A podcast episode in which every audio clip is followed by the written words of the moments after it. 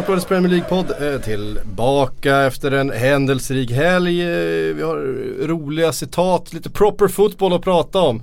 Eh, jag tänkte vi skulle prata lite talang också. Nu eh, sitter ni här som två fågelholkar. Kalle Karlsson och Erik Niva kliver in för Frida Fagerlund som har begett sig till Italien av oklara anledningar. Fint ska det vara. Ja.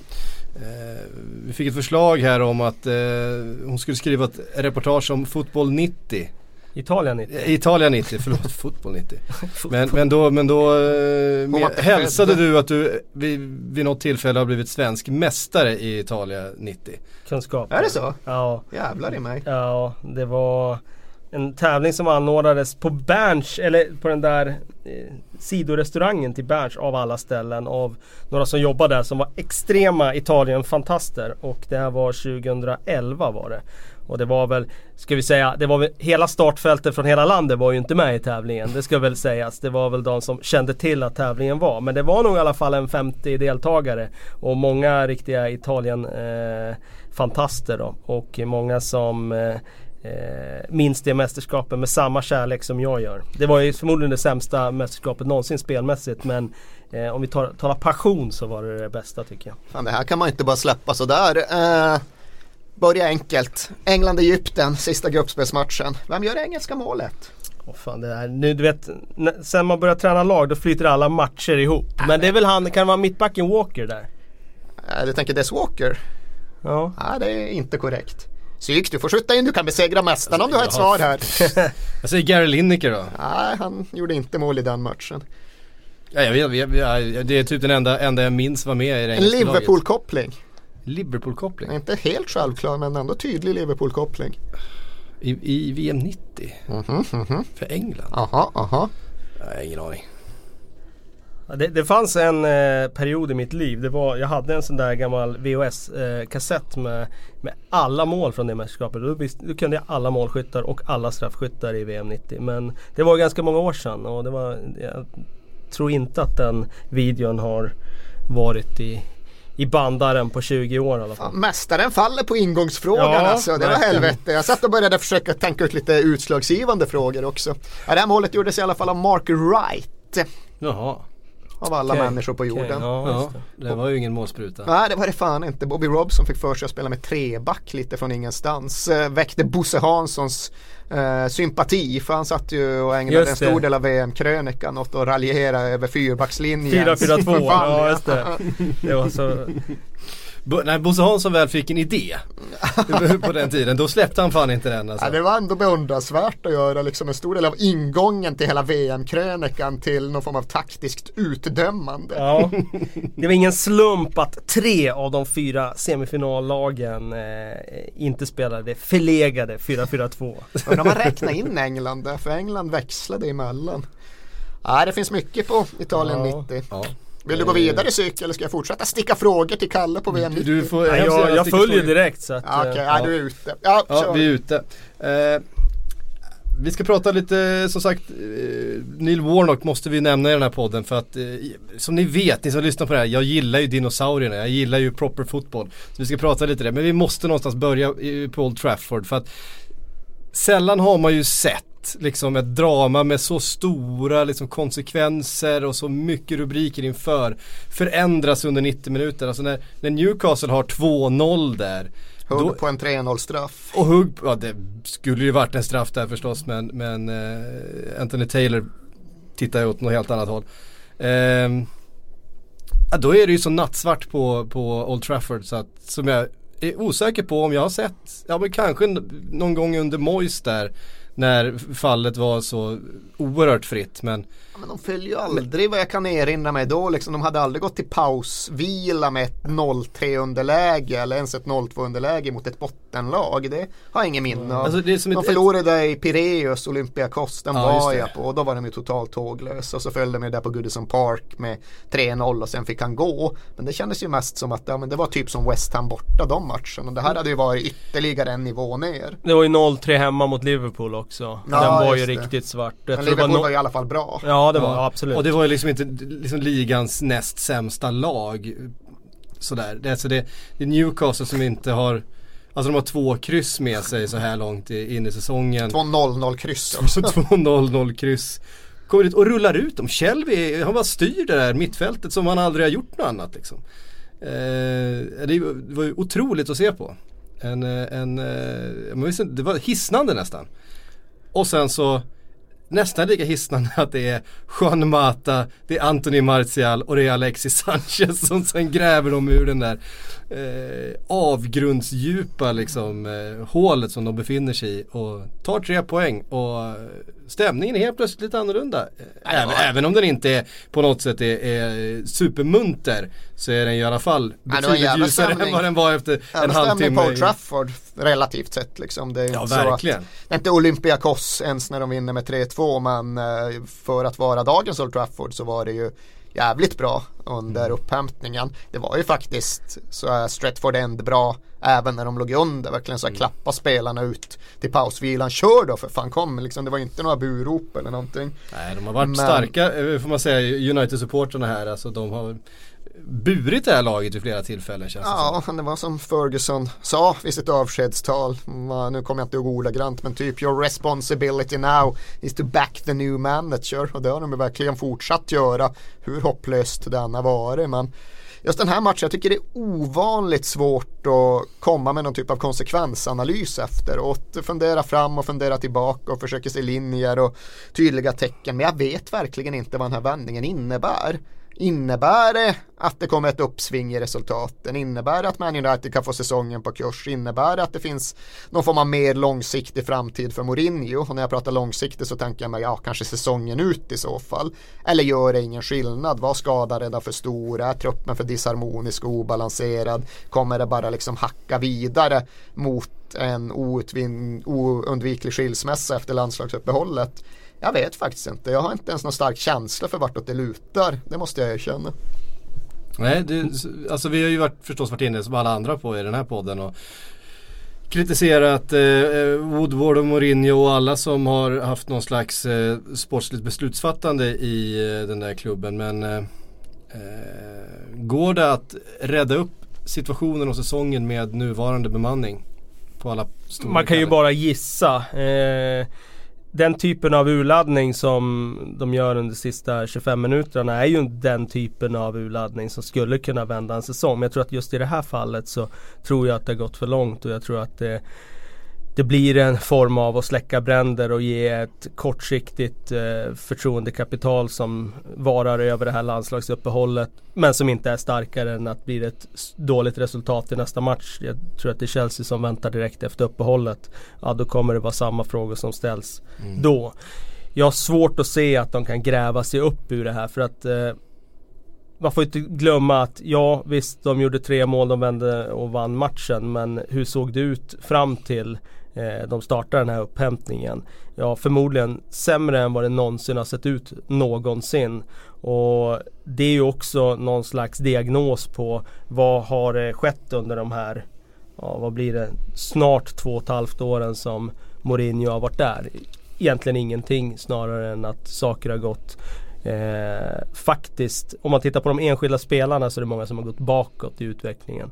Så jag, jag kan inte se att det här skulle liksom eh, kickstarta säsongen och att de bara skulle flyga upp i toppes, toppstriden. Om de gör det så är det temporärt och då är det bara kommande en och en halv månad. Sen har jag, jag ser ingenting som att de skulle ha ett grundspel eller någonting för att vara i toppen få stanna. Det beror ju också på just vad man, vad man tycker vore okej. Okay.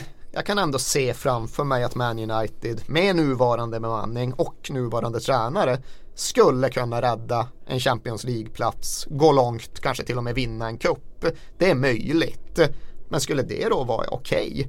Man United kom tvåa i ligan förra säsongen och då var det ju såklart en stor besvikelse att de aldrig var där och touchade på och utmana om titeln. För återigen, det är liksom Englands största klubb, Englands största budget beroende lite på hur man ser på Man Citys portfölj och plånbok. Men eh, liksom en fjärde plats och en cupfinal det är ju inget bra, det är inget bra resultat för Man United. Och högre än så kan jag omöjligt se dem nå. Uh, det skulle smått chocka mig. Och det är väl just det som gör att ja, men nuvarande situation kommer visa sig ohållbar. Frågan är väl bara ifall det sker i november eller om de kan köpa sig tid och, och spela ut säsongen under Mourinho. Det är väl där någonstans frågan finns nu tycker jag. Det hade också varit intressant hur hade klubbledningen agerat om det hade varit någon av de här topp, topp, topp tränarna som hade varit ute på marknaden utan ett jobb idag. Zidane? Eh, eh, jo, Zidane finns där men är han intresserad av jobbet då? Det... Hans agent påstås ju ha sagt att han inte är så sugen på Premier League. Nej, och är han smart så tar han ju inte Manchester United i dagens eh, tappning. Eh, det är ju ett eh, kamikaze-uppdrag för honom med den CVn han har. Han riskerar ju liksom att förstöra det, eh, liksom den eh, statusen han har som eh, som ändå vissa ändå ifrågasätter lite grann för att de, de vet inte hur det där gick till med de där tre raka Champions League-titlarna. så att han har ändå någonstans någonting att bevisa fortfarande Zidane. Det är ju det liksom många ändå känner att det blir intressant när han tar nästa jobb för då får vi se hur bra han egentligen är. Eh, så att eh, jag tror inte att de lyckas lösa Zidane och då eh, tror jag att det blir en eh, form av att vi behåller Mourinhos tills det kommer någon liksom eh, till vägs ände där, där klubben inte kan fortsätta eller där man eh, kan plocka in en temporär man, lösning. Man, man ser ju inte med den nuvarande regimen där att de skulle våga ta in någonting liksom, mer lovande, långsiktigt. Ge en, eh, en Eddie Howe tre säsonger på sig och bygga upp någonting. Vi kommer att prata lite mer om Eddie Howe sen för att jag menar det Bournemouth gör är rätt så anmärkningsvärt den här säsongen. Eh, vilket ju skulle vara ett sånt namn. Det skulle vara intressant. Han har rätt ålder, han har rätt CV egentligen. Mm. Vi vet att han är en duktig, men med den, med det sportsliga tänk som är Manchester United, det känns ju det otänkbart.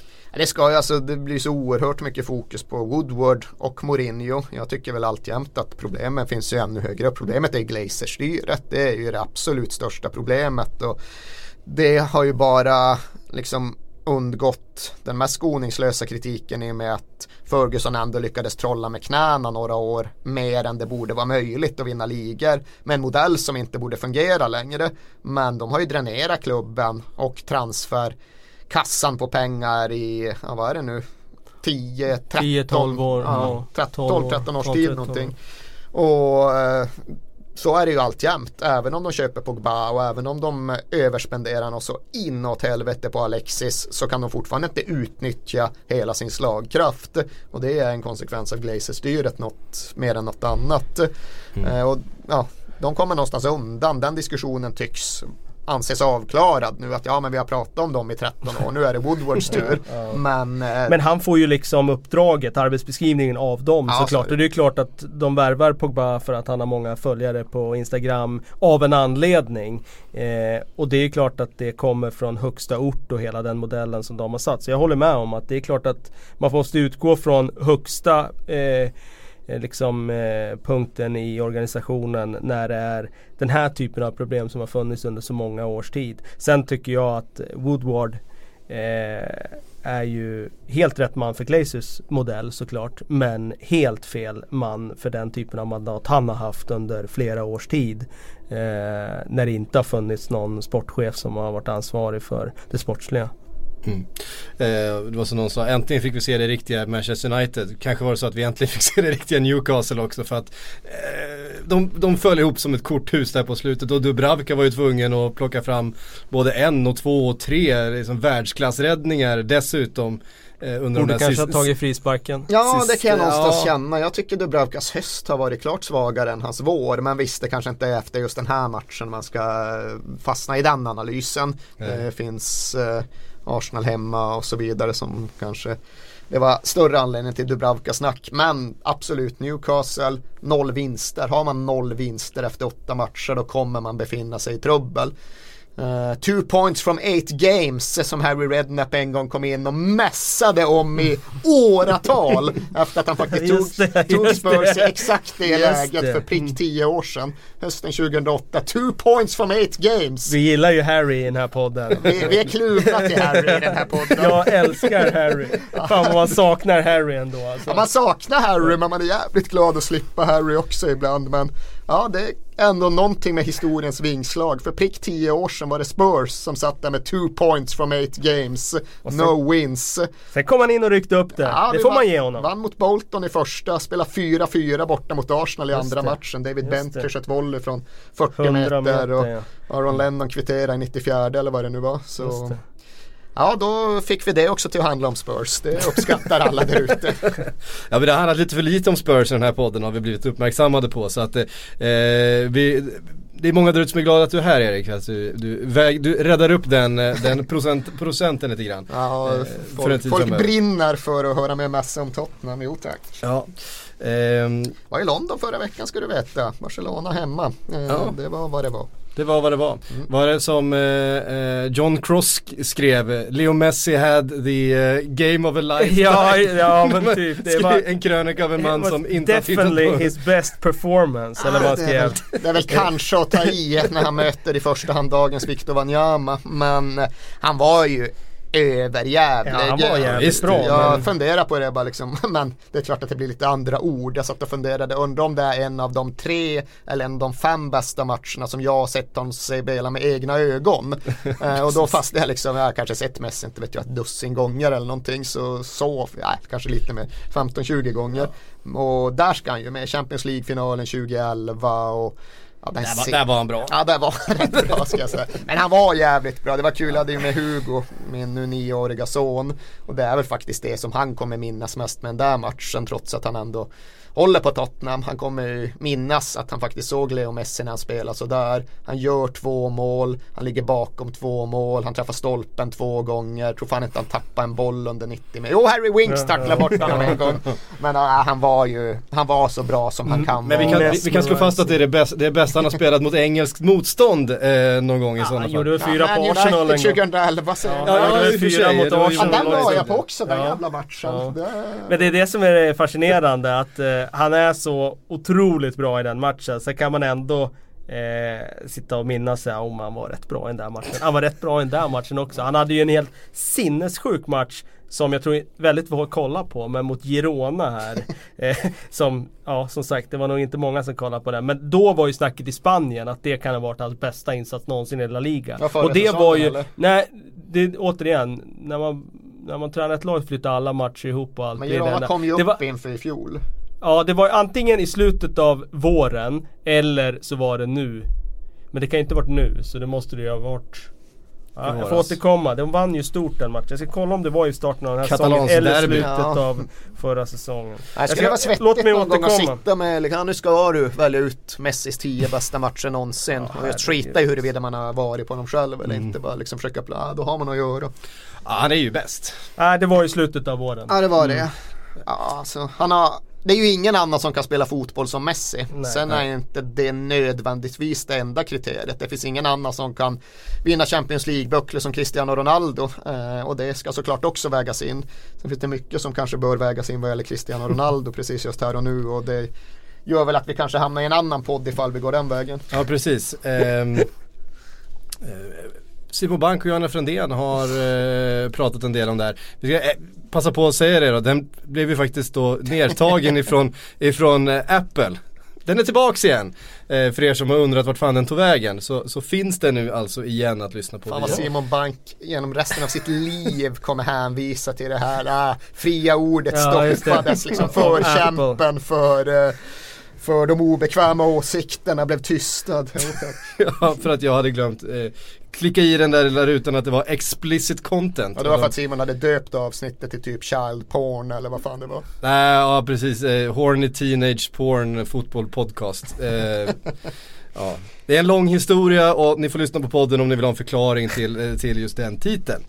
Um, vidare då. Helgens kanske största snackis. Vi ska lugn och fint. Vi ska prata om Liverpool City också lite grann. Det finns inte jättemycket att säga. Men först ska vi prata om... Det finns massor eh, att säga om den matchen. Ja, Men ja okej. Okay. Ja visst. Eh, Spurs Cardiff. eh, du skrattar. Neil, Neil Warnock, först på sidlinjen, det, det, var ett rött kort där som har blivit väldigt omdiskuterat huruvida det ska vara rött kort eller inte. Eh, jag, är inte helt, jag är, jag är, inte helt såld på någon sida ja, men det... än så länge. Det är ju det är ju solklart att det är spelförstörande och att det ska vara gult liksom. Men, men eh, om vi uttrycker det så här som Neil Warnock sa efteråt. He's not endangering the life of the players so I don't understand why it's a red card. Och det, någonstans, någonstans eh, uppskattar jag Neil Warnocks Eh, tröskel är för vad som ska vara rött kort. Ja, nej, det kan jag också göra. Eh, man måste liksom kniva någon för att det överhuvudtaget ska komma på tal. Mm. Uh, nej, men det finns väl två saker vi kan gå in på här. Vi kan väl börja med den faktiska regeltolkningen för den är någonstans enkla. Den är enklare än Neil Warnock att bena ut. Man kan ju ha åsikter kring hur regelboken borde vara skriven. Men det är något annat än att förhålla sig till hur den faktiskt är skriven och hur domare måste döma. Och den har ju förändrats gällande just den här typen av situationer på senare år. Det måste inte vara någon typ av målchansutvisning för att visa rött kort utan exakt den här typen av cynism ska mm. bestraffas med rött kort. Det fanns en situation med Granit Xhaka för två säsonger sedan som var exakt detsamma. Inte fullt lika uppenbar. Den här är rätt uppenbar. Ja men den där var exakt, alltså det var där att en kille kommer loss nere på nere vid långlinjen, ungefär vid mittlinjen, bara några meter in på Arsenals planhalva och Arsenal är överspelat, deras mittfält är överspelat så det kommer bli en, säg tre mot två situation eller något. Xhaka uppfattar det, Xhaka sparkar ner killen för att han vill undvika den situationen och förutsätter att han ska få gult kort, för det har man aldrig mm. fått tidigare. Men då hade då den här regelomskrivningen gjorts och och eh, preciserat att just den typen av spelförstörelse ska beivras med rött kort. Han blev utvisad, alla Graham Pole-figurer fick sitta i brittisk media och konstatera att ja, jo, så ska det dömas numera. Och det här är exakt samma sorts situation fast ännu mycket tydligare och ännu mycket mer cyniskt. Så det ska vara rött kort. Där kan Neil Warnock säga vad fan han vill. Sen kan jag också tycka att Neil Warnock är lustig. Även om jag ska erkänna att jag har väl mer hamnat i det där läget när jag skrattar åt honom än skrattar med honom. Jag tycker att Det han... gör vi ju lite grann. Jo. Det är så med alla de här dinosaurierna. Han är, de... så, han är ju så nöjd med sin egen stereotyp liksom. Han tycker ju det är så roligt att vara just den där gamla skolans traditionalistiska sanningssägare som minsann no inte, nonsense. exakt, inte luras av några falska profeter och deras uh, statistiska nymodigheter. Eh, han har ju dragit historien liksom hur många gånger som helst om hur han eh, återvände till fotbollen. För han var ju ute för hans fru led ju av cancer och Neil Warnock skulle vara hemma med henne. Och det var ju sunt på alla sätt och vis. Men sen blev hon friskförklarad och då är han ju så nöjd och berättar det där som Alex Ferguson också alltid brukade berätta. She didn't want me around the house anymore. She kicked me through the, oh go out and do something you old bugger. Kan inte liksom ha Neil kvar i kåken. Han blir så påfrestande på lördagarna. Så då fick han lov att sätta sig och köra till Rotherham. Och... Ifrågasätter du så inte, inte det alls. Jag tror också att Neil Warnock kan vara rätt så påfrestande på lördagarna där hemma. Eh, faktiskt. Ehm, jag tänkte så här, bara om matchen 1-0 till Spurs. Du har ju varit inne lite grann, du var lite orolig för, eh, för Spurs under den här säsongsinledningen. Är fortfarande, är fortfarande eh, väldigt den, orolig. Den bästa säsongsinledningen poängmässigt någonsin? Ja, jo, under Premier League-eran som man tydligen alltid jo, jo. ska se som någonsin numera. Ja, men det har ju mer med spelschemat att göra än någonting annat. Och i säsongsinledningen måste ju rimligtvis även Champions League ingå eftersom att det är en rätt stor del av vår höst. Och där har ju alla resultat gått oss emot. Det faktum att vi tappade där på San Siro eh, sista fem, det kommer förmodligen i förlängningen kosta oss avancemang. Det kommer innebära att när vi väl någon gång där borta på andra sidan horisonten får spela på vår nya arena så kommer det inte vara Juventus eller Real Madrid. Det kommer vara Widzew Lodz eller något i den stilen i Europa League. I bästa fall, det är fan inte säkert att vi ens blir trea i den där gruppen. Så totalt sett, om man väger in Champions League, om man väger in spelprogrammet, om man väger in de prestationer vi faktiskt har stått för så har det inte sett bra ut. Jag skulle säga att Tottenham inte har spelat bra i någon enda match så här långt utifrån hur det har sett ut de föregående säsongerna.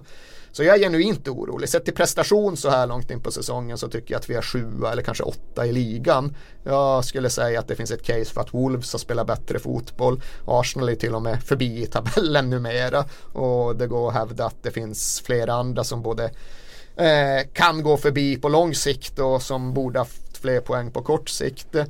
Så jag tror det blir en jävligt tuff säsong för Spurs av en rad olika anledningar. Det finns VM-utmattningen och det finns hela liksom den komplicerade situationen runt klubben med den nya arenan.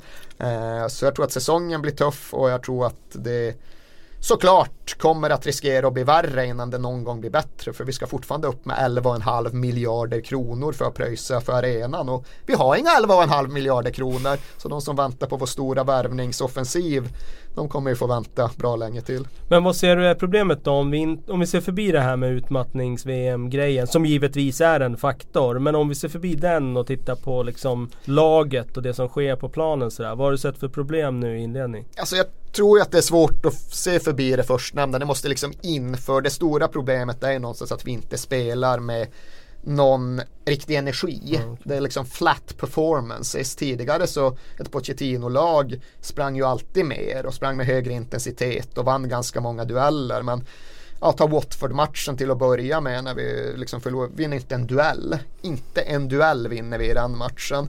Och väldigt få, många matcher när vi haft svårt att få upp bolltempot. Och ett problem är ju också att även om laget fortfarande är ungt så finns det ju en känsla av att vissa spelare trots allt ändå börjar falna tydligast med Moussa Dembélé. Moussa Dembélé är inte alls den spelare han var för två, tre år sedan. Han har tappat dramatiskt och det är givetvis ett stort problem för det finns ingen ersättare till honom egentligen i hela ligan, definitivt inte i våran trupp. Vi vill ju fortfarande tro på Harry Winks men han är inte där och frågan om han någonsin kommer komma dit.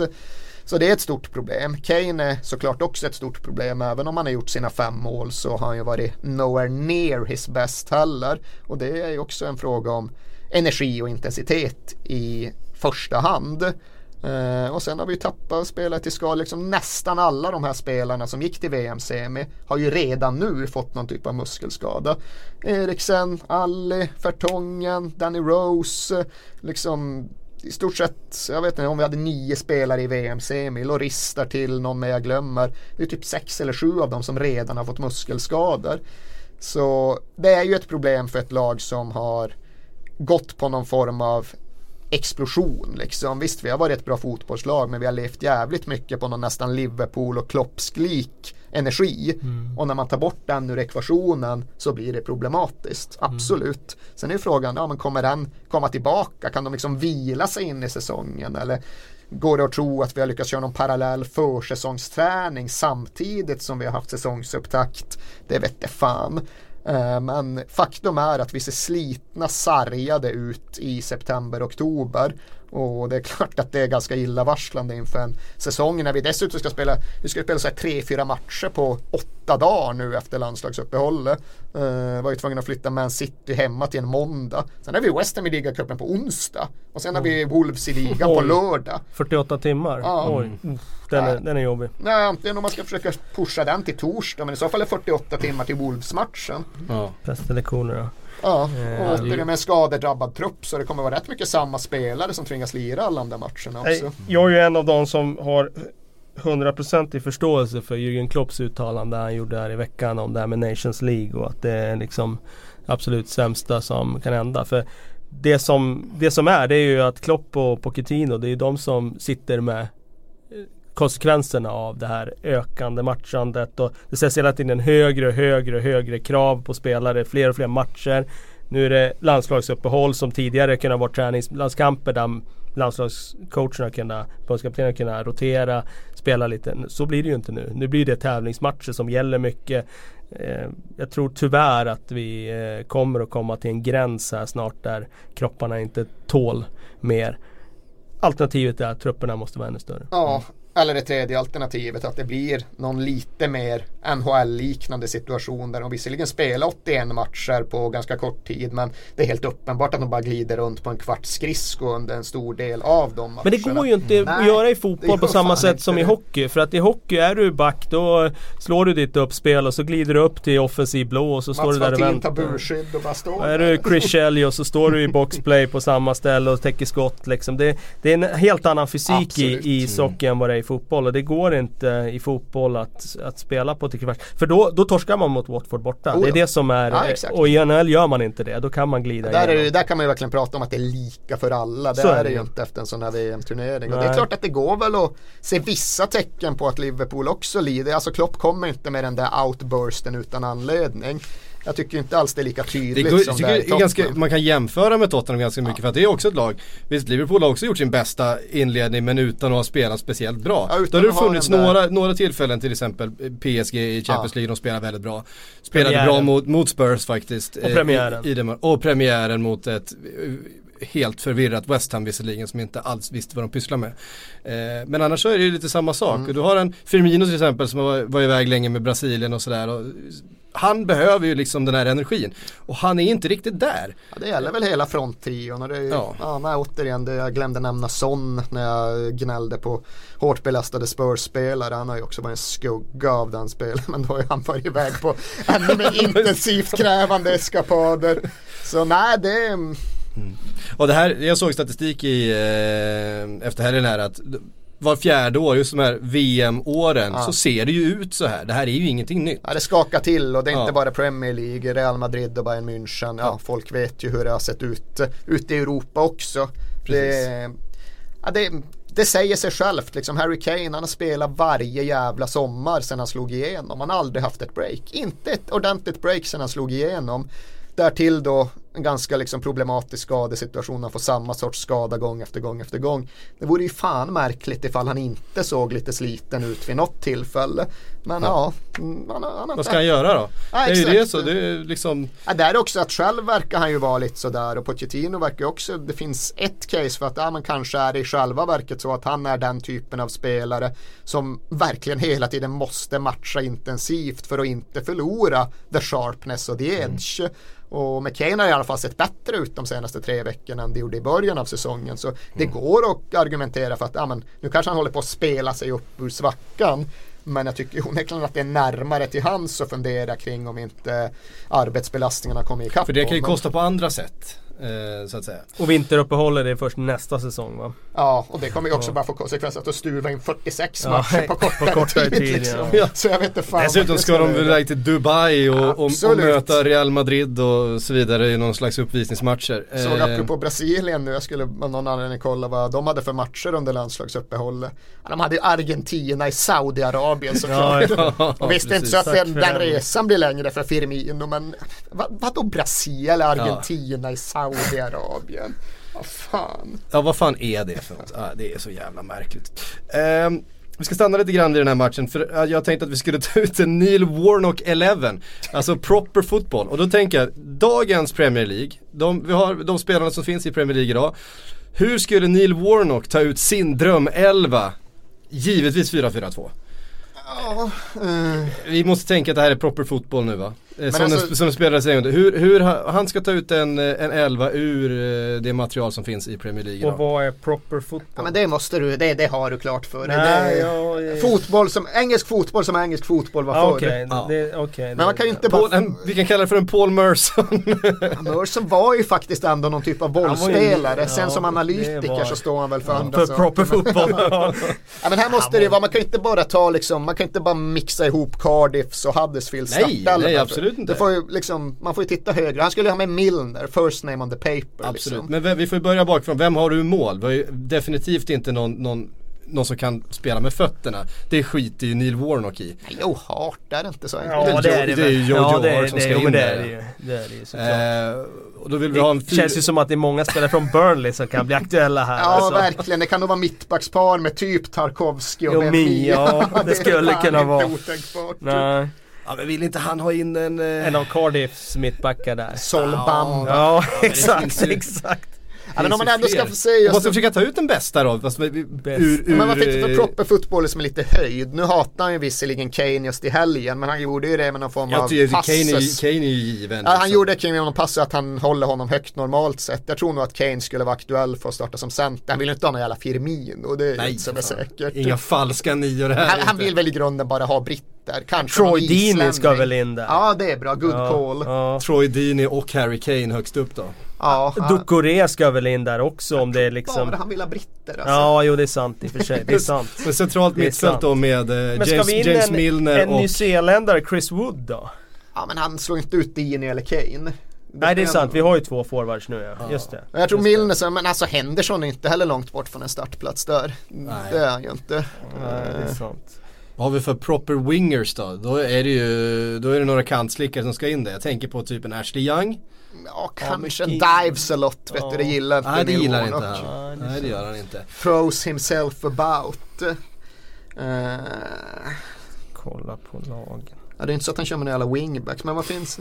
Nej men eh, ska inte Harry Maguire in i backlinjen egentligen? Maguire gillar han Ja, nog. Harry Maguire i, istället för Ben Albrighton då? En sån som slickar kant, 4-4-2 Inläggsspel är viktigt inlägg. i spelmodellen. Ja. Så, vet du vad jag tror också kommer spela?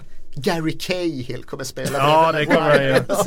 inga, inga korta uppspel utan det blir liksom Vad har vi för ytterbackar då? Men, alltså Trippier har ju en Nej. bra inläggsfot. Ja men han är alldeles för offensiv. Men han gillar väl Wilf Zaha från uh, Crystal Palace och så vidare. Det är ju en, det är ju en, det är, det är en bra vänsterytter. Ja, jag menar det. Han känns ju lite för flash och trick. Jo, liksom. men han behöver lite flash och trick ändå. Snarare såhär James M Mark, MacArthur ifall man ska hamna i Crystal Palace. Mark, Mark Noble. Mark ja, Noble. Ja, Noble är inte inaktuell på något sätt. Och James MacArthur känns ju verkligen ja. som att han hade kunnat göra ett jobb. Men nu är du inne på tremanna mittfält här. Ja, Eller nej. sätter du ut på kanten. Men alltså vänsterback, är det inte Leighton Baines då som ska in där? Liksom han är för messes about han with his hair. Liksom. Han är för liten. Han är för liten. Han vill ha bra... Det går inte att gå bort. Liksom. Alltså, han vill ha en större vänsterback alltså. En större vänsterback. Ja. Vad har vi då då? Det ska inte vara någon jävla wingback-variant. Så nej, jag tror nej, liksom nej, att så Kyle Walker försvinner ju. Det ska ju vara den här gamla, det ska, alltså en vänsterback har ju två alternativ. Antingen så spelar du den rakt upp på en ytter som står fri eller så skickar du den långt diagonalt som du bara kan. Alltså Ben Såna. Chilwell gillar man ja. Han är också liten. Alltså, ja, nej, lite, det känns, unga spelare litar ju inte på. Ska ju vara liksom experienced professionals. Ja. Brighton borde ju ha några lirare Alltså också. Dunk och de, de gillar ju. Ja, Dunk ja, och Duffy gillar ja, Jag tror inte de slår ut Maguire och Gary Cahill. Men mer Glenn Murray är ju på bänken i alla fall. Det, det ska han ju in. Mer från Burnley. Ja, mer från Burnley ja.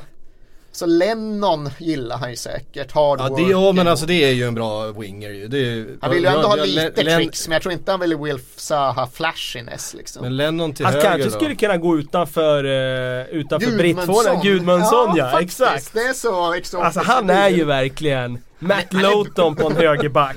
Gud, sån är fan bra alltså. Matt Lowton alltså. Högerback. Har, har, vi en ganska tung 4-4-2 där? Ja, jag tror Ja, vad sa vi? Hart i mål.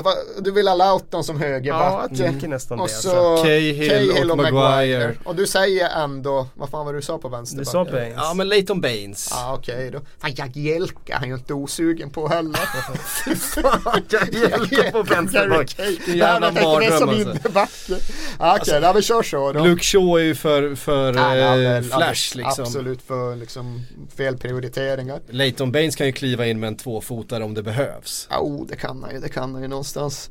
Och vad sa vi på mitten då? Gudmundsson som det exotiska inslaget. Alltså, alltså Andy Robertson är ju inte en dum shot. Han är lite för offensiv men... Eh, han gillar Robertson, det gör ja, han.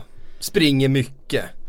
Jag tror vi får sätta elvan nu. Jag säger Gudmundsson till höger. Mm. Milner som någon form av spelmotor tillsammans med, vad fan sa vi, Nobel, Nobel eller MacArthur. Vad vill ja. ni ha där?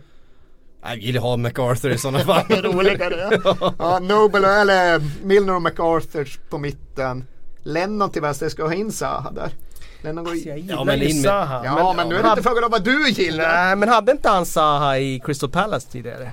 Ehm, borde han väl haft va? Ja, det är därför jag tänker ja. att han är ju ändå en eh, Warnock-spelare där.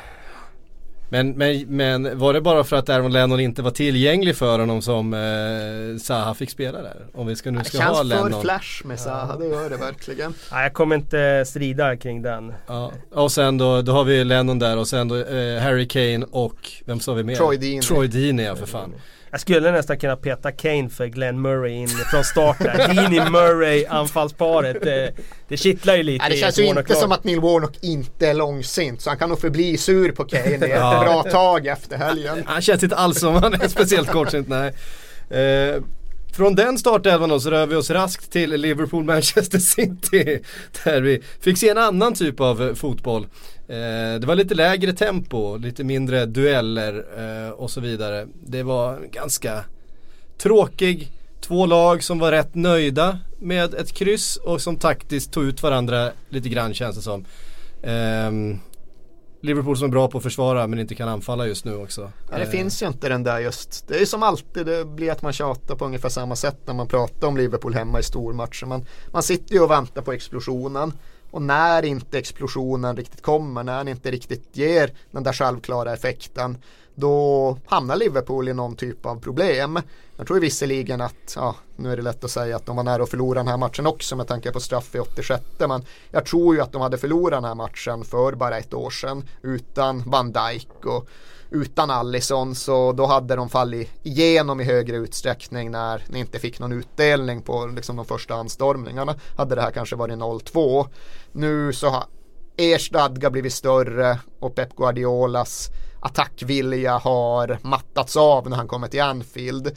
Jag tror inte han var så nöjd med hur Manchester City presterade men jag tror han var ganska taktiskt belåten med att det just kändes som att de hade kontroll. Det var ingen mm. riktig fara efter den första kvarten. Uh, och sen tror jag just också att det kan nog finnas någonting i att det blir svårare för både Liverpool och Man City att verkligen få till den där extrema energinivån eftersom att de inte är riktigt på topp fysiskt just nu.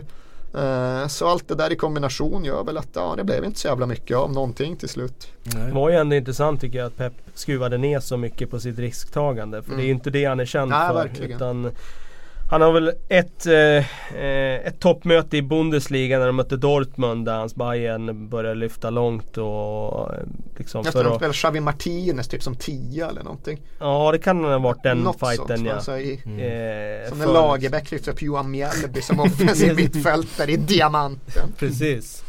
Det var ett annat intressant drag på den tiden. Det får man ändå ge honom. Eh, men annars har man ju knappt sett honom eh, liksom anpassa sig så mycket efter en motståndare rent defensivt. För det var ju det han gjorde och det fanns en situation i första halvlek som jag tyckte var talande där. Att de fick läge för att verkligen skapa två mot en på kanten. Men när Walker spelade ut bollen till, jag tror det var Mahrez, det borde ha varit han som stod brett ute på kanten. Det var som att han hejdade sig själv precis när han slagit den passningen. Ja just det, jag ska inte fortsätta. Mm. Nej, jag ska inte fortsätta det här utan jag står bara kvar här nu när jag slagit den här passningen. Jag ska vara på rätt sida när den här omställningen kommer. Och jag försvarar Liverpool lite grann i och med det också. För det är klart att det blir ju jättesvårt för dem då att skapa om det alltid är fem spelare på rätt sida boll. Som det var eh, i Citys fall i den här matchen. Förutom första kvarten när de spelar väldigt högt risktagande på egen planhalva ska börja rulla ut bollen från målvakt och så får de några bollvinster på, på offensiv planhalva. Mm. Då kände man ju så här, oj det här, det här blir tufft för City om de ska fortsätta med det här. Eh, de är inte riktigt så skarpa så att de kan spela förbi det här. Jag tycker Liverpools pressspel då är jättesynkroniserat på offensiv planhalva. Eh, för de kommer verkligen inte förbi där. Eh, och men sen är det som att de lägger av med det. Och från det sen så händer det ju verkligen ingenting i den här och matchen. Fram till att Mares får de där chanserna med halvtimmen kvar. Och då tar det ju fart lite grann i alla fall. Mm. Och det är lite grann också i samband med det så att eh, James Milner går av planen. För att mm. det har vi ju sett också att att faktiskt utan James Milner så funkar inte pressspelet lika bra som För Naby Keita är inte inne i, i, det är inte som du säger, synkroniserad Alltså det är en sak när energinivåerna är där och man springer liksom men, men när de inte finns då gäller det att synkroniseringen i pressen är så pass koordinerad så att de kan göra det utan att springa på tandköttet liksom. Ja, Klopp eh. sa ju, han använde intressanta ord i någon av sina intervjuer efter matchen. Han pratade just om avsaknaden av Milner för att eh, han hade predictability in his movement och då tror jag han menade både med och utan boll. Att James Milner är ju oerhört bra. Han är ju faktiskt en jävla tempohöjare. Liverpool mm. spelar mycket snabbare med honom och det gör de ju mycket för att eh, han gör saker som får hela det övriga laget att få fler alternativ. Han gör alltid en viss typ av presslöpningar, det vet alla när de kan följa med. Han slår alltid en viss typ av passningar så fort han får bollen. Det vet alla andra så de kan börja löpningarna tidigt. Uh, Naby Keita är många saker men inte så mycket predictability in his movement. inte direkt. Och sen är det ju även där liksom, du gör eh, exemplifieringar med Kyle Walker som inte bombar på överlapp. Det valet gjorde ju någonstans Liverpool redan i laguttagningen när de inte tar ut Trent Alexander-Arnold mm. utan kör Gomes mm. där istället. Det... Vilket hade kunnat kosta för Gomes var ju inte bra. Nej, han hade ju no, han hade någon gång när han kom in och spelade snett inåt bakåt men det är inte det där piska in inlägg som Trent Alexander-Arnold står för. Ja, man ser ju när han faktiskt kommer till en inläggssituation så kommer det en ballong in istället för en ett överskruvat liksom som det är väl Daniel Sturridge som är uppe och hoppar och Han, han är ju först på den, han får pannan på den men han, får, han, han kan inte få någon ja. kraft på den ett eh, Alexander Arnold inlägg där som träffar på samma sätt hade han ju kunnat styra. Ja det är ju bara att hoppa in i bollen då så blir det ju fart på det liksom. Eh, men ja, två lag som tog ut varandra och sen Riyad Mahrez som förstås ska avgöra den här matchen men som som tar den där bollen ifrån Gabriel Jesus men eh, i alla fall eh, i efterhand så har det sagt att det var så. Eh, orden var given från Guardiola. Ordens... Kanske säger han så för att skydda sin spelare lite grann. Nej men jag tycker väl ändå att det verkar vara så om man just Annars skulle det nog komma ut också. Ja men man lägger till Man lägger till hela liksom dels bilderna man ser och dels det de säger efteråt och dels hur Klopp pratar med spelarna, eller hur Guardiola pratar med spelarna efter slutsignalen. Det som hände tycks ju ha varit att det inte var riktigt sagt vem som var andra skytt efter Agüero. Att både Mares och Jesus hade tränat mycket straffar, men att när det blir signal så tycker Jesus att han ska ta det men Guardiola där och då tar ett beslut som han någonstans skickar ut genom, jag tror det var Mendy okay. och när det sen kommunicerar, ja det är jag som ska ta den så blir Jesus, va? Jaha, okej, okay, ja, ja, jaha. Guardiola har sagt det, jaha, okej. Okay. Eh, och så slår Mares den märkliga straffen och jag tycker det är ett märkligt val just eftersom att han hade så fantastiskt dåligt straffacit. Facit, Jesus var inte skitmycket bättre i och för sig men lika fullt. Eh, men det blir ju ändå den där ja, facit styr ju analysen på något sätt. Ifall man tar ut en straffskytt som skjuter bollen fyra meter över i 86 minuten i ligafinalen på Anfield så var det ju helt enkelt inte det bästa beslutet. Nej. Hej, jag Ryan Reynolds. På Mint Mobile, we like to do the opposite of what Big Wireless. They charge you a lot. We charge you a little. So naturally, when they announced they'd be raising their prices due to inflation, we decided to deflate our prices due to not hating you. That's right. We're cutting the price of Mint Unlimited from $30 a month to just $15 a month. Give it a try at mintmobile.com slash switch. $45 upfront for three months plus taxes and fees. Promo for new customers for limited time. Unlimited more than 40 gigabytes per month. Slows. Full terms at mintmobile.com. Aaron Lennon, eller vad Aaron Tillbaks Aaron Lennon. Ja. Ja. Nej, men Aaron bara skjuta in där. Ja. Eh, eh, Laporte var ju faktiskt imponerande ja, bra i den här matchen. Bra. Och där mm. får man också säga att eh, när man betänker då att grannen har eh, Grannen i Manchester, City, eh, i Manchester har ganska stora problem på mittback så är det här ytterligare en mittback som de har gått miste om. De hade ju mycket väl kunnat värva Laporte då, året innan och så vidare. Han har varit lovande i Spanien länge. Eh, jag tycker han ser ut som en eh, fantastisk pjäs både med och utan boll. Och nu känns han som den mest givna i det där mittförsvaret. Mm. Samtidigt tror jag att Manchester United absolut hade kunnat värva honom men hade han varit där i 8-9 månader så hade han inte alls sett lika självklar ut på Old Trafford Med rätt tränare, på Island. Med rätt tränare hade han varit fantastisk där också. Jo men eh, alltså hade han kommit in i det här Mourinho-bygget nu så hade han sett lika vilsen ut som Bajé eller Lindelöf eller vem som helst. Förmodligen. Uh. Det jag skulle komma till var Aaron Ramsey. Mm. För eh, det är ju säsongens mål så här långt. Ja det är det, absolut. Det är ett tv-spelsmål. Det är ett tv-spelsmål. Och det är ju ett Arsenal-mål. Se, ser ni Arsenal-idet i det här målet? Det är Giroud, Skorpion fast inte ja. riktigt lika het. Eh, klack klack eh, mot Norwich mål fast mm. till och med lite bättre. Så det här är ju lite Wenger-boll på något sätt. Så som han, så som han ville spela fotboll. Eh, alldeles för vertikalt för att vara Wenger. Så det var så, möjligen så som Wenger ville spela fotboll på den tiden Pires och Ljungberg var yttre. Då gick det ju fan snabbt i djupled. Mot mm. slutet gick det absolut inte snabbt i djupled. Då var det ju bara just Fair det där sökandet vid straffområdet. Men en, eh, ett imponerande mål, en imponerande 5-1 seger borta mot eh, Fulham som kanske är en liten besvikelse ändå så här långt. Som är en stor besvikelse så här långt. Det tycker jag vi ändå får säga. Nykomling till trots. Ja, eh, fem Alltså fem fantastiskt fina mål. Det, mm. det, är ju fyra mål som faktiskt hamnar i, i skymundan här på, tack vare det där eh, fina lagmålet. Men jag menar Lacazettes båda mål är ju, det är ju superavslut. Aubameyangs båda mål är också superavslut båda två. Men fan vad kul det måste vara att som skicklig offensiv spelare i ett skickligt offensivt lag få möta just Fulham. För du kommer få ytor, du kommer få möjligheter. Det är inte den där tröstlösa matchen mot något riktigt, det är inte Burnley borta direkt utan det är en väldigt tacksam match att spela. Fint där nere vid floden, solen skiner alltid vid Themsen. Gräset är grönt och ytorna oändliga. Det, folk kommer fortsätta se fram emot Fulham borta hela säsongen. Jag kollade om den här matchen lite grann för jag ville se Martin Åslund var ganska tydlig med vad han tyckte om Fulhams ja, spel. Han kallar det balans. det sämsta han någonsin har sett i Premier League och jag tänkte jag måste kolla om det här från start och se om det, om det var så illa vid 0-0. Jag tyckte inte det var det. Eh, vid starten av matchen tyckte jag att de hade en struktur och eh, liksom De börjar matchen med att vinna bollen också högt och då ser det ganska synkroniserat. Men då pratar jag om offensiv planhalva när de pressar där uppe. Eh, på egen planhalva så i andra halvlek så var det ju Då såg det ju verkligen eh, ut som havet stormar. Och det kanske är så att det finns för mycket brister i det här försvarsspelet för att Jokanovic ska kunna få rätt sida på det. Mm. Eh. Grejen är ju att Jokanovic har ju alltid varit den typen av tränare i alla fall. Han har ju en oerhört märklig karriär. Jag kan inte påstå mm. att jag följde honom i Thailand så det är väldigt ingående. Men jag vet ju att när han fick gå från Watford, vilket folk upplevde som väldigt överraskande, så var det ju i grunden eftersom att det uppfattades internt som att han inte prioriterade defensiv balans på någon form av hållbart sätt. Det skulle inte funka över tid i Premier League och därför fick han gå. Och Ja det var så alltså? Ja så var det, så var det. Och det är spelarna som har kommit ut med den versionen eller? Ja, det, är väl, det är väl dels spelare men också liksom folk inom klubbledningen som faktiskt fattade beslutet som har briefat lite halvt under radarn. Men jag känner några som jobbar väldigt nära Watford och de har, liksom, de har presenterats med den sanningen i efterhand.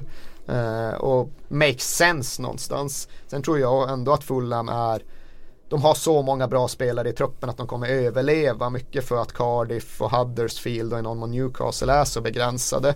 Men de kommer ju få svettas. Newcastle tror jag ändå kommer börja röra sig. Om de rör sig i tabellen då är det ofrånkomligen Fulham som just nu är näst på tur. Ifall inte de gör något åt det så är de ja, ligans tredje eller fjärde bäst sämsta lag. Och då är det upp till frågan om hur mycket Newcastle kan förbättra sig som i så fall avgör vart de hamnar. Mm. Kan Måsson styra upp det där försvaret då? Alltså han var ju så jävla dålig mot Watford hemma för några veckor ja. sedan.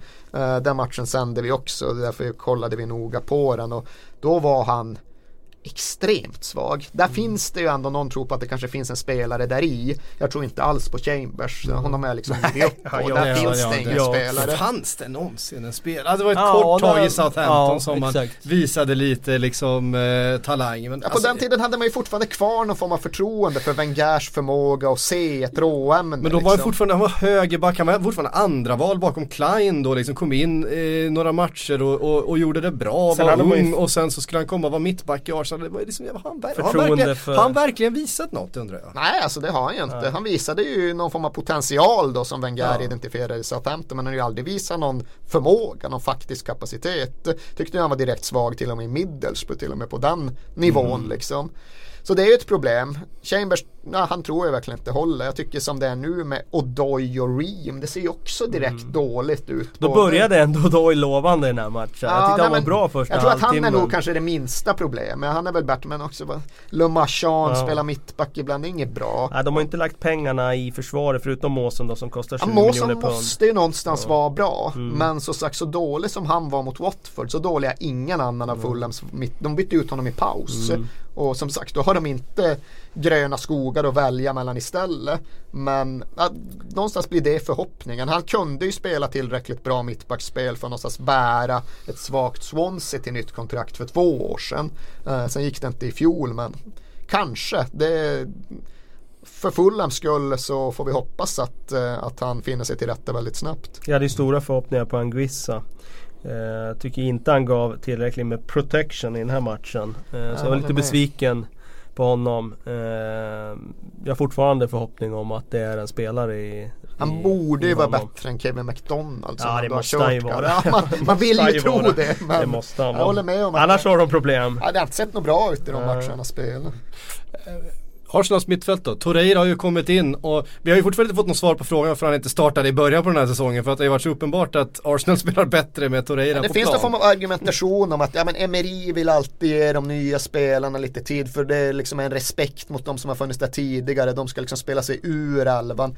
Ja men nu var det ju Guendouzi som startade istället. Ja, exakt. Liksom. Jag menar, det... Han kan ju inte fastna i den, det resonemanget. Men stämmer det verkligen? Han är ju i behov av segrar direkt när han kommer. Kan det verkligen stämma? Det där känns mer som en sån här fanskrets-teori. Fullt möjligt grej och han inte synar i sömmarna liksom. Det är möjligt att det fanns ett sånt inslag i PSG men jag vet faktiskt inte hur det har varit. Det är det enda, det är skillnad på spelare och spelare. Där man ändå också. vinner alla matcher. Ja precis, det är det jag menar. Det är skillnad på lag liksom. och spelare och så vidare. Ja, Nej det är ju intressant. Han har startat tre matcher och släppt in ett mål på de tre. Mm. Eh, Lucas Torreira. Och, och eh, typ, man ser ju ganska uppenbart att det här är en defensiv eh, stadga som det här laget har saknat och skrikit efter i många år.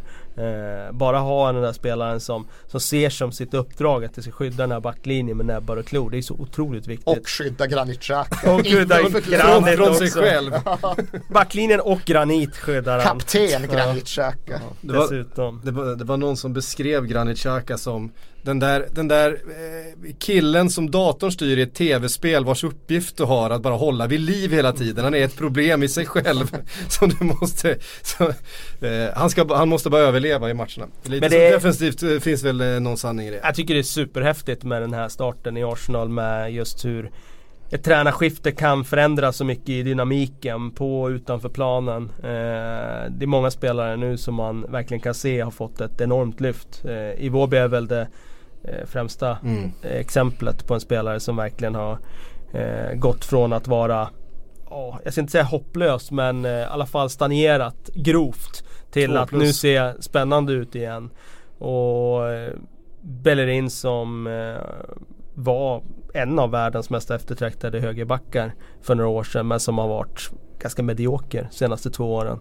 Han har ju också faktiskt börjat den här säsongen väldigt lovande. Tre assist redan, det hade han på hela förra säsongen. Det säger ju mm. någonting om att någonting har hänt. Och Där undrar man ju också just, ja, men, tog de bara in Lichtsteiner som någon typ av så nivåhöjare på träning mm. eller vad? Det, eller ja, trodde ja. de inte att Bejerin skulle kunna prestera så här bra? Eller blåslampa i röven ja. på vissa spelare vilket man kan behöva. Funkat har det gjort. Det kanske inte har mm. funkat för Lichtsteiner men det funkar för Emery och Arsenal. Ja, eh, och det där, just det där med blåslampa det kan man ju se ibland när man värvar målvakter. Att om en mål, första målvakt känner sig för säker på sin mm. post så en bättre tvåa det brukar sätta lite, ja nu är det dags att börja köra på på träningar igen.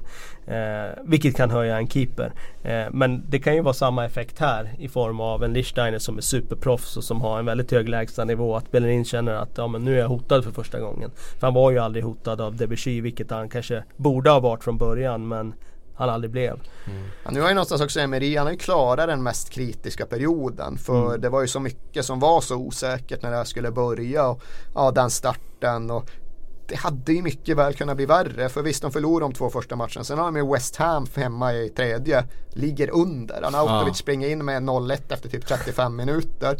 Sen får de kvitteringen på, inte vet jag, 2-3 minuter. Monreal dundrar dit en boll. Gör de inte det målet före den pausvilan jag vet inte fan alltså. Ja, det, är klart att jag inte tror... marginaler. Ja, där tror jag verkligen att det är ett sådär kritiskt nyckel. Ja, verkligen. Mm. För i så fall hade det varit... West Ham kom ju dit poänglösa, såg riktigt svajiga ut. Ifall de hade vunnit den matchen, då hade ju liksom Ja, nu har det inte varit något extremt stort fokus på Pellegrini men allt som fanns mot honom hade ju mångdubblats mot Emery.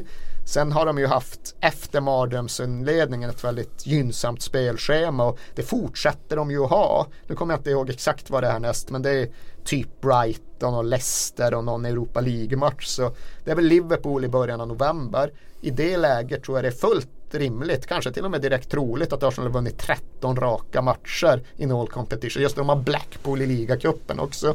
Så liksom 13 raka vinster. Det är ju hur ofta, sinnessjukt. Ja, hur ofta lyckas ja. någon med det? Ja. Och få det just som Emery i det här läget när ja, men hela Arsenals framtidstro någonstans verkligen har stått och vägt. Tror mm. vi på det här eller inte?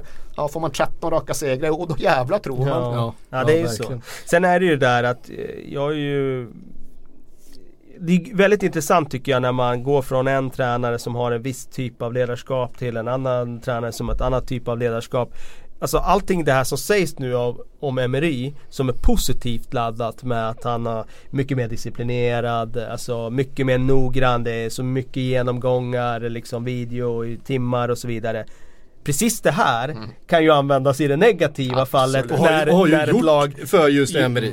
Ja precis och det är det som är så intressant. Joaquin och popcorn ja. för det ska alltid Men eh, det är ju intressant att när Wenger har kört sitt i Arsenal år efter år. Det är klart att de blir lite resignerade inför att han är vad ska man säga, alldeles för laissez-faire. Liksom mm. att det, det, det, det, finns ingen eh, eh, lärare som är där och, och tar eleverna i örat när de, när de inte gör jobbet så att säga.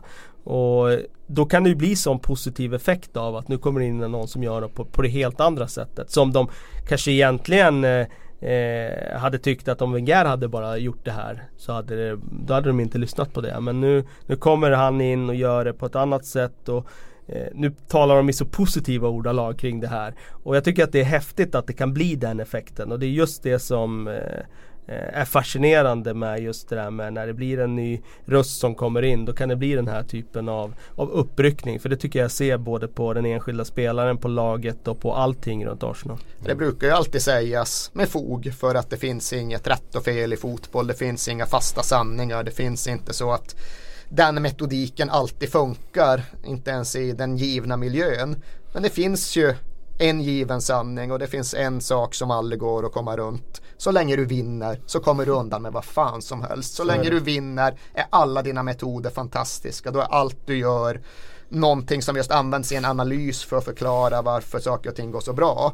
Och vinner du inte längre så kan du fråga José Mourinho om hur liksom opinionen kan ja. vändas. Du kan bete dig exakt ja. likadant men det kommer porträtteras och analyseras på ett helt annat sätt. Mm. Eh, det är så. Jag, jag tycker väl att den eh, det, det, finns en negativ sida i det och det är att vi, tror jag, i media bland annat överanalyserar för mycket när det går bra. Det måste alltid och, finnas ett varför. Ja, det exakt. Att, eh, nu går det här laget bra i Bundesliga. Vad har de gjort? Jo, så plockar man en tråd och så säger man, jo men det var det här de gjorde. Jo men de gjorde ju samma sak förra året, då gick det åt helvete. Alltså, eh, det är andra lag som gör det här, det går inget bra för dem. Alltså det, jag tror att det sker en, eller det görs en överanalysering av det laget som är bra för stunden. Men i Arsenals fall så har det varit positivt att det kommit in en, en ledare med ett annat typ av eh, eh arbetssätt och det har lyft väldigt mycket. De har inte vunnit matcher tack vare att de har tränat på eh, Emirates dagen före match, vilket de har gjort nu under Emery mycket mer än vad de gjorde under Wenger.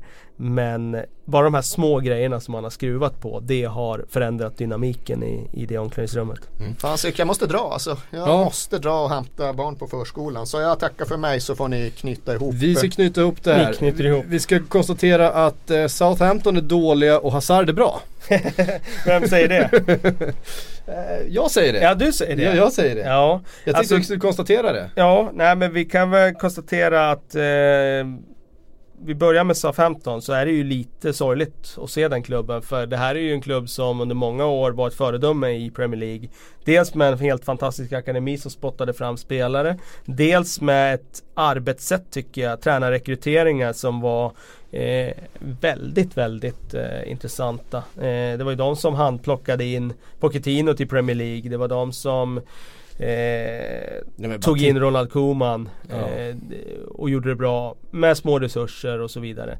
Jag eh, men det är bara att titta på liksom spelarna som har passerat där igenom hur ja, de har scoutat. Ja, ja. Liksom... Herregud, de hade ett arbetssätt som, som Liverpool eh, liksom har dragit nytta av i, i, i, i, stora drag. Ja men verkligen alltså, och vilka spelare det har varit som har passerat. Och även före dess, alltså när de väl producerade, jag menar, vi har Gareth Bale, vi har Oxlade Chamberlain, vi har eh, Walcott, Luke Shaw, Walcott, Luke Chambers med allt vad det innebär. Ja och, och sen menar spelare som har rekryterats alltså från van Dijk och eh, Mané och eh, Wanyama och Schneiderlin och liksom spelare som har... Är väl en och Lalana förstås. Ja. Nej men eh, det är ju sorgligt att se dem nu för jag tror att det är stor risk att de den här säsongen eh, kommer att få kliva neråt faktiskt. Det, jag ser ingenting hos dem idag som får mig att tro att de har eh, mer att ge än vad de hade förra säsongen och då var det ju där sista omgångarna de löste det. Eh, jag tror att det är stor risk för det. Och det tycker jag är sorgsamt för att det är en, det är en proper football League club. Mm. Eh, och eh, de hör hemma i Premier League tycker jag. Mm. Eh, Sen får gäller... hoppas att alla de här försäljningarna som har gjort och alla pengar de har kunnat tjäna på det här ändå har gjort att klubben nu står på en så pass stabil grund att de kommer kunna bygga upp någonting bra igen. För det, det finns folk i den klubben som förstår fotboll. Absolut, Les Reed hade ju en nyckelroll där i akademin och jag menar under många år var ju den akademin liksom en förebild för andra. Det gjorde studieresor dit för att titta hur jobbar Southampton. Mm. För hur kan man få fram så många bra unga spelare som de får. Eh, känslan är att den producerar inte lika eh, mycket idag och det ska vara intressant att veta vad som har förändrats där. För någonting har ju skett i alla fall. Jag tror ganska mycket handlar om att andra har blivit bättre. Alltså de, var, de var föregångare på många sätt och, och sättet de, de arbetade med sina talanger. För om man tittar på de engelska akademierna nu eh, den typen av spelare som de faktiskt får fram Eh, och hur engelska eh, ungdomslandslag har presterat internationellt. De har vunnit varenda liksom, mästerskap de har ställt upp i de senaste två åren i stort sett. Eh, vi ska prata lite Chelsea också men jag ska bara slänga in det. Jag tog ut ett, ett en startelva på, på Twitter med spelare som inte har fyllt 22 än, engelska spelare. Alltså talang, en talangelva just nu. Eh, i en 4-3-3 och då har vi en backlinje med Trent Alexander-Arnold, Joe Gomez, eh, Declan Rice och Ryan Sessegnon. Eh, vilket är en helt okej okay fyrbackslinje. Eh, framför dem har vi en, eh, en trea, Mason Mount, Phil Foden och eh, Madison. Eh, och framför dem Ademola Lukman, Marcus Rashford och Jadon Sancho. Alltså för att vara spelare som ännu inte har fyllt 22, någon av de här, så är det ju det är ju väldigt, väldigt, väldigt bra fotbollsspelare. Ja, det är det. Eh, rakt igenom och spelare som vi ju är, jag menar kolla vad Jadon Sancho gör i Dortmund just nu till exempel. Eh, Marcus Rashford, han är bara 20 år gammal, vi vet hur bra han är, han är liksom etablerad i, i Manchester United. Även om de går, de går eh, svagt just nu så vet vi vad han kan. Och, Ehm, det har ju producerats oerhört mycket bra eh, på de engelska akademierna de senaste åren. Jag tror kanske det är så att många har tittat på Southampton, hur de jobbade. Och på någon annan, det har funnits ett par andra akademier som också varit väldigt framträdande ju i, i i England och, och utvecklat sina egna akademier. För att menar, pengar finns det ju att, att bygga för om man säger så eh, faciliteter och eh, det som kan krävas. Eh, men det är lite intressant i alla fall hur, hur den engelska talangutvecklingen, det kanske är så att den helt enkelt har kommit ikapp Southampton. Ehm, Chelsea då, ny trea, 3-0, ingen snack. Hazard 1 plus 1. Ross Barkley gjorde mål. Ja. Är han, är han en sarrispelare Ross Barkley? Um, Ja, det, jag tror att han är en spelare för väldigt många olika spelsätt och tränare när han är som bäst. För då är han ju en mittfältare som har eh, unika egenskaper får man ändå säga. Jag eh, noterade också det där han pratade om att Sarri, det här är första gången han blivit coachad ordentligt sen mm. han fick Sarri. Och det säger väl en del om Sarri. Men det säger också något om de andra brittiska tränarna han har haft mm. tidigare. Eh, och lite förvånad kanske kring eh, han har haft brittiska kom... tränare ska jag precis säga. Han hade... Ja, Moyes hade han väl ja, i Everton när han var ung. Ja, precis. Det var ju Moyes som upptäckte honom ja, en gång i tiden. sen men, Roberto eh, Martinez. Eh... Ja, precis. Och sen har han väl haft Conte och sen har han haft Sarri. Men det ja. jag tror han tänker på det är väl mer i offensiven så, så, så är ju Sarri väldigt detaljerad med positionering mm. och så vidare. Och det tror jag har blivit en ögonöppnare för, för Barkley.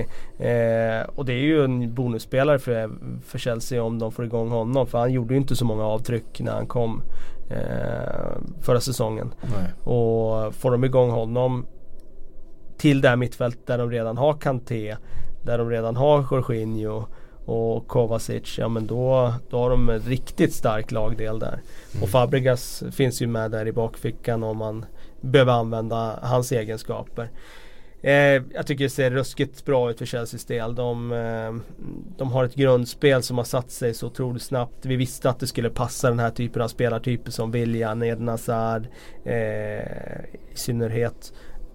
Det, det, det liksom eh, det, det, är tillräckligt många bitar på plats för att man ska se dem att vinna de här matcherna mot eh, lag på under halvan tämligen enkelt. Sen handlar det om hur de presterar i toppmatcherna. Och hittills har de i alla fall spelmässigt matchat eh, Liverpool bra i det mötet.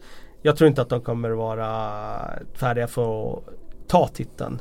Men det hindrar dem inte för att slåss om den hela vägen in på våren och det tror jag att de är kapabla att göra. Om Hazard får vara hel och det, det är liksom nyckeln för han, han blir ju en sån där eh, Sarris spel sitter så otroligt bra, passningstrianglarna, de hittar varandra. Sen får Hazard bollen i de här bra positionerna som Sarris fotboll ger, gör ju att de hamnar i väldigt bra positioner. Och så har du den där spelaren som är en av världens bästa en mot en. Som då kan göra det där ytterligare lilla aktionen som gör att allting öppnar sig.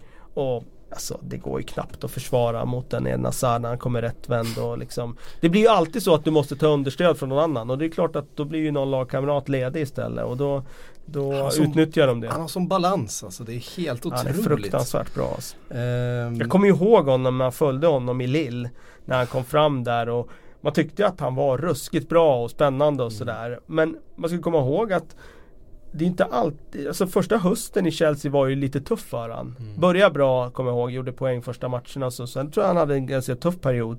Eh, och sen har det varit det här upp på den högsta höjden, ner i den djupaste dalen, upp på den mm. högsta höjden. Och väldigt mycket så. Nu är han ju på en eh, nivå som är, eh, ja, det är uppe med de allra bästa. Det är ingen tvekan om det. Ja. Om inte den bästa. Mm. Eh, nu har ju Messi gjort några riktigt vassa matcher här. Så det där snacket om att han är bäst i världen, det kommer väl av sig lite grann. Men han är ju uppe där i alla fall på topp mm. fyra.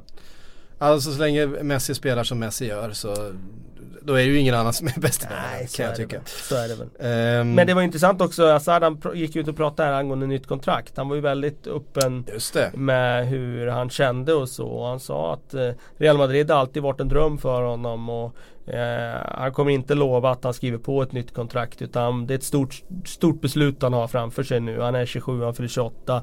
Det här kontraktet liksom är, avgör ju var ska jag vara de kommande åren. Kanske de bästa åren i karriären. Mm. Känslan är ju att han är rätt sugen på, han Real, Madrid. på Real Madrid. Och det och, finns en plats ja, där. det som, det det finns. Som det den största liksom, eh, stjärnan ja, och, och, Ja, och de är ju jättebehov av det. De har ju börjat jättedåligt i La Liga. Perez fick ju inte sin Galactico i somras. Det är, det är klart snack som... om att Hazard lämnar redan i januari faktiskt. Ja, det, det är ju, jag är svårt att se att Real Madrid inte ska vara jättesugna på att göra den där referensvärvningen. För de behöver ju den. Mm. De, eh, ja, det är ju snack om att Lopetegui kan få sparken där redan nu efter en väldigt tafflig inledning mm. i La Liga. Eh, så att eh, de kommer nog göra allt för att slå igång sitt maskineri. Så bli inte förvånade nu om ni ser Sergio Ramos gå ut och prata om att Hazard har Real Madrid DNA i sig och han skulle passa här och där och så vidare. Det, mm. det, det ser jag. Marca kommer att slå upp stora rubriker innan vi är framme vid jul. Får vi se ifall en eh, Tony Kroos gör en eh så som Suarez gjorde för Coutinho förra vintern. Han, han fixar hus och allting så här. Det finns klart här när du kommer vet du. Så mm. det, det, är lätt att skriva på. um, vi måste säga något om Bournemouth. 4-0 borta mot Watford. De är alltså laget som gjort näst flest, det är bara Manchester City som gjort fler mål i ligan än vad Bournemouth gjort i början på den här säsongen. Ja, det... Vilket är helt otroligt med tanke på att det är lilla, lilla Bournemouth med de små, små resurserna som de har. Apropå det där med att man inte ska överanalysera. Kommer du ihåg i början av förra säsongen när det var eh, nattsvart i Bournemouth? De ja. låg i botten, de hade inte tagit många poäng. Eddie Howe var inte vattenvärd. Och Eddie Howe var inte vattenvärd då. Eh, apropå det, man ska ja. inte överanalysera för mycket när det gäller eh, eh just det där. Just, just resultatet. Alltså nej, det, precis. Det, eh, jag tycker de gör ett helt fantastiskt jobb där. Med mm. små resurser. Eh, nu såg jag lite grann av den här matchen och det är klart att det finns vägskäl i den matchen ja, också. Det blir ett rött kort som är liksom... Ja, Cathcart har ju jätteläge att nicka in 1-1 och då vet man aldrig vad som hade hänt. Eh, sen tycker jag det röda kortet är hårt. Jag kan köpa att det blir straff. Jag tycker inte det är en andra varning på den. Jag tycker inte det. Eh, han klipper ju ändå ankeln på honom. Nej, jag, jag, vet inte. Jag är inte säker på att det är ett andra gult. Straffen är rätt solklar. Straffen är solklar. Eh, och från det så är det ju, jag menar, mm. då, då, finns det ju bara en utväg. Watford måste gå framåt för att försöka och sen mm. att det rinner på då när man är tio man. Det, när det är så långt kvar av matchen, det är inte alls förvånande. Intressant att se Joshua King komma igång igen ja, och väldigt bra i den här matchen. Verkligen. Um, Lagerbäcks focal point får han väl eh, vara i alla fall i det norska landslaget. Ja. Eh, han har haft en väldigt fin säsongsinledning här och, förstås Ryan Fraser, lille Ryan Fraser gillar man ju bara för att han är en sån han är, han är definitionen av en speedkula. Ja, han är en riktig jordfräs alltså. det, det är liksom en liten kubik ner bara... huvudet och bara kör. Ja, eh, sen tycker jag också, jag menar du tar den där backlinjen, det är ju inte speciellt eh, bra namn där. Du köpte in Nathan Ake för stora pengar men bortsett från han. Stora liksom pengar, från... för Burnmouth stora, Bournemouth stora, ja, stora absolut. pengar. Ja. ja men sen är det liksom Charlie Daniels och, ja. och Smith och Summer Francis och så vidare. Det är ja. liksom inga superspelare. Nej. Men eh, uppenbarligen får de eh, får de till det. Mm. Ja, och det är ju Eddie House som ska hyllas. Eh, fan vad tiden sprang iväg. Det blir så när, när Niva hoppar in och, och vikarierar lite grann. Då, då har eh, tiden en tendens att bete sig lite annorlunda än vad den gör annars. Eh, ni har ställt jättemycket frågor. Vi hinner tyvärr inte ta några av dem då, för nu måste jag se till att den här podden kommer ut idag också före jag måste åka och hämta på dagis.